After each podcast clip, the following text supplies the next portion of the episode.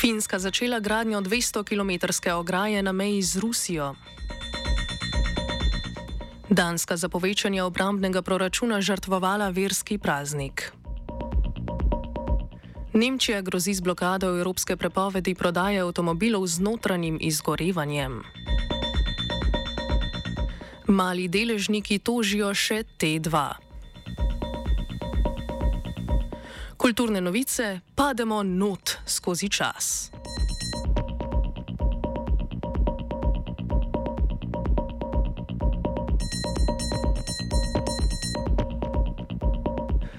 Finska je začela postavljati 200-kilometrsko ograjo na meji z Rusijo. Do leta 2025 bodo postavili 70 km 3 metre visoke ograje z bodečo žico. Gradnja bo stala 380 milijonov evrov. Nekatera območja bodo opremljena še s kamerami za nočni vid, lučmi in zvočniki. Na finski meji z Rusijo je na nekaterih odsekih sicer že postavljena lesena ograja, a predvsem zaradi preprečevanja prehajanja živine. Za postavitev ograje so se v finskem parlamentu odločili lanskega julija in sicer zaradi strahu pred tem, da bi Rusija v prihodnosti migracije uporabljala za izvajanje političnega pritiska na Finsko.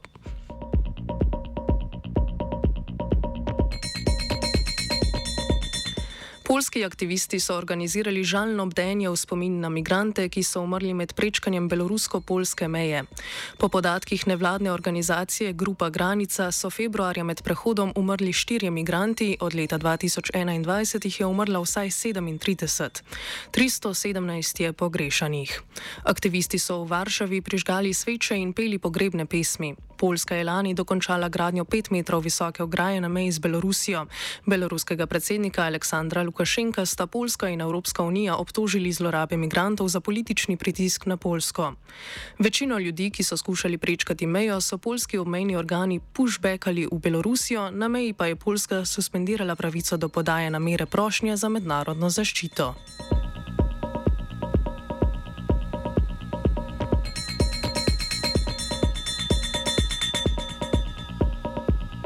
Polski obrambni minister Mariusz Blaszczak je podpisal pogodbo s polskim podjetjem Huta Stalova Vola za nakup tisoč pehotnih bojnih vozil Borsuk in 400 spremljevalnih vozil. Vrednost nakupa je ocenjena na več milijard evrov. Poljska je januarja podpisala tudi pogodbo z američani o nakupu tankov in raketometov. Lansko poletje je Poljska od Južne Koreje nabavila haubice, tanke in lahka bojna letala. Prva pošiljka desetih tankov in 24 haubic je decembra že prispela na Poljsko.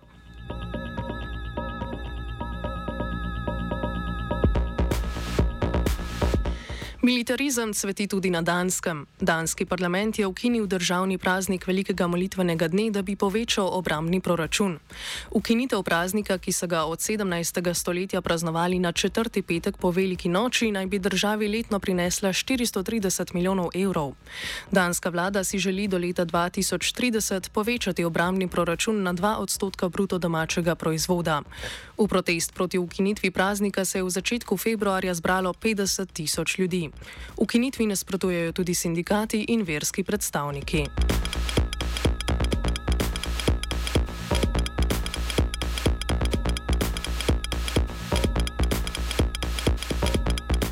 Turški predsednik Recep Tayyip Erdogan je v parlamentarnem govoru nakazal, da kljub potresom ne bo preložil datuma volitev. Dejal je, citiramo, nacija bo 14. maja storila, kar je nujno, bog daj! Erdoganu je popularnost pri voljivcih zaradi naraščajočih življenjskih stroškov in devalvacije turške lire padala že pred potresi. Počasen in nekoordiniran odziv ter razkritja o gradnji, ki ni upoštevala protipotresnih standardov, so dodatno prispevali k kritikam Erdoganove vlade. Kot stopo vlade so Erdogana pozvali tudi navijači Fenerbačeja in Bešiktaša, dveh največjih turških nogometnih klubov. Erdogan je opozicijo pred volitvami že izdesetkal. Zaprl je denimo carigrajskega župana Ekrema imamo Gluja, ustavno sodišče pa je blokiralo račun kurdske stranke HDP za volilno kampanjo.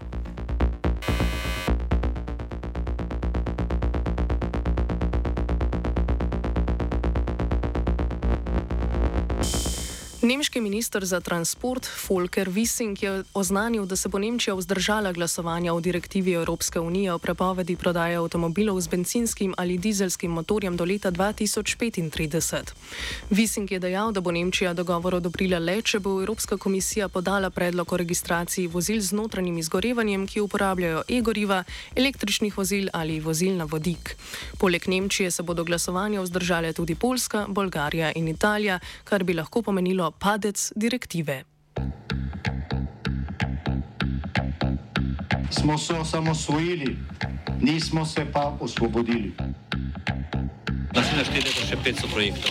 Izpiljene modele, kako so se strani nekdanje LDS rotirali. Ko to dvoje zmešamo v pravilno zmes, dobimo zgodbo o uspehu. Takemu političnemu razvoju se reče udar. Jaz to vem, da je nezakonito, ampak kaj nam pa ostane? Brutalni obračun s politično korupcijo. To je Slovenija, tukaj je naša zemlja, to je Slovenija, Slovenija, Vse slovensko združenje malih deležnikov, krajše VZMD, je vložilo kolektivno tožbo zaradi domnevnega oškodovanja naročnikov proti družbi T2. Tožbo so prej vložili že proti Telekomu, A1 in Telemahu.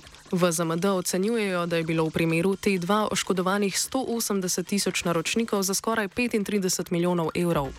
Predsednik VZMD Kristjan Verbič je komentiral razloge in pravno podlago za vloženo tožbo. Gre seveda za dejstvo, da se je na nas obračalo veliko število naročnikov, v zadnjem času še toliko izdatneje in sicer zaradi enostranskega dvigovanja cen naročniških paketov, uh, to pa brez vnaprej predvidenih razlogov, metod zviševanja cene in podobnega, kot uh, nalaga zakonodaja o varstvu potrošnikov in ne nazadnje tudi že izpričani uh, evropski pravni okvir po tej plati.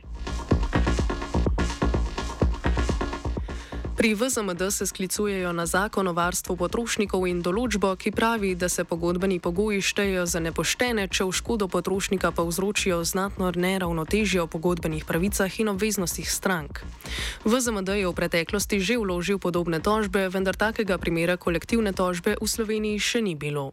Gre pa, kot rečeno, za zakonodajo, ki je po tej plati že doživela uh, epilog uh, na evropski ravni, medtem ko v slovenskem prostoru pravzaprav prak s kolektivnimi tožbami doslej ni, razen tistih, ki jih je vse slovensko združenje malih deležnikov doslej vodilo v desetinah primerov, recimo iztisnitev oziroma razlastitev manjšinskih delničarjev in nekaterih sorodnih postopkih, vendar pa gre tukaj za kot tako kolektivno tožbo per se, s tem v zvezi prakse, ki bi dosegla uh, epilog v Republiki Sloveniji, sicer še ni, uh, je pa v teku kar nekaj postopkov. Ti naši pa so v uh, tem času seveda namenjeni uh, operaterjem in urediti področja na področju telekomunikacijskih operaterjev. Mariborski mestni svet je v prvem branju podprl proračuna za leti 2023 in 2024. Predlog prvega je vreden skoraj 193 milijonov evrov in predvideva dodatno zadolževanje za 27 milijonov evrov, drugi je nekoliko nižji, 142 milijonov evrov s predvideno 3 milijonsko zadolžitvijo. Proračuna sta na skupnem glasovanju prejela podporo 19 svetnikov in svetnic, proti jih je glasovalo 9.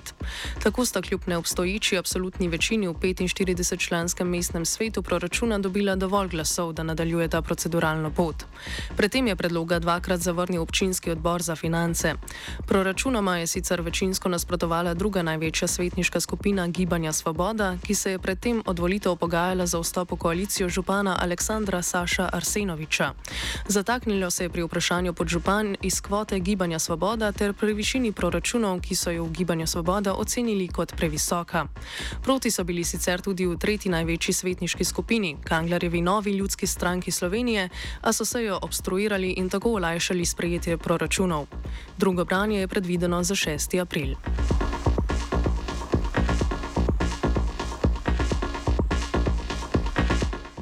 Piranski občinski svet je potrdil predlog proračuna, ki bo za tretjino podražil javne vrtce. Cene se za otroke staršev iz prvega, prvega dohodkovnega razreda ne bodo spremenile.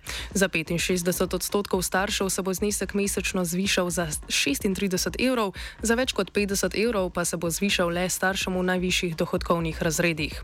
Stroški delovanja vrtcev so se sicer povešali za 60 odstotkov, a bo večino stroškov pokrila občina. V občinskem svetu so v prvem branju tudi potrdili nov piranski proračun, ki predvideva odhodke v višini skoraj 46 milijonov evrov, od tega bo 20 milijonov namenjenih za investicije.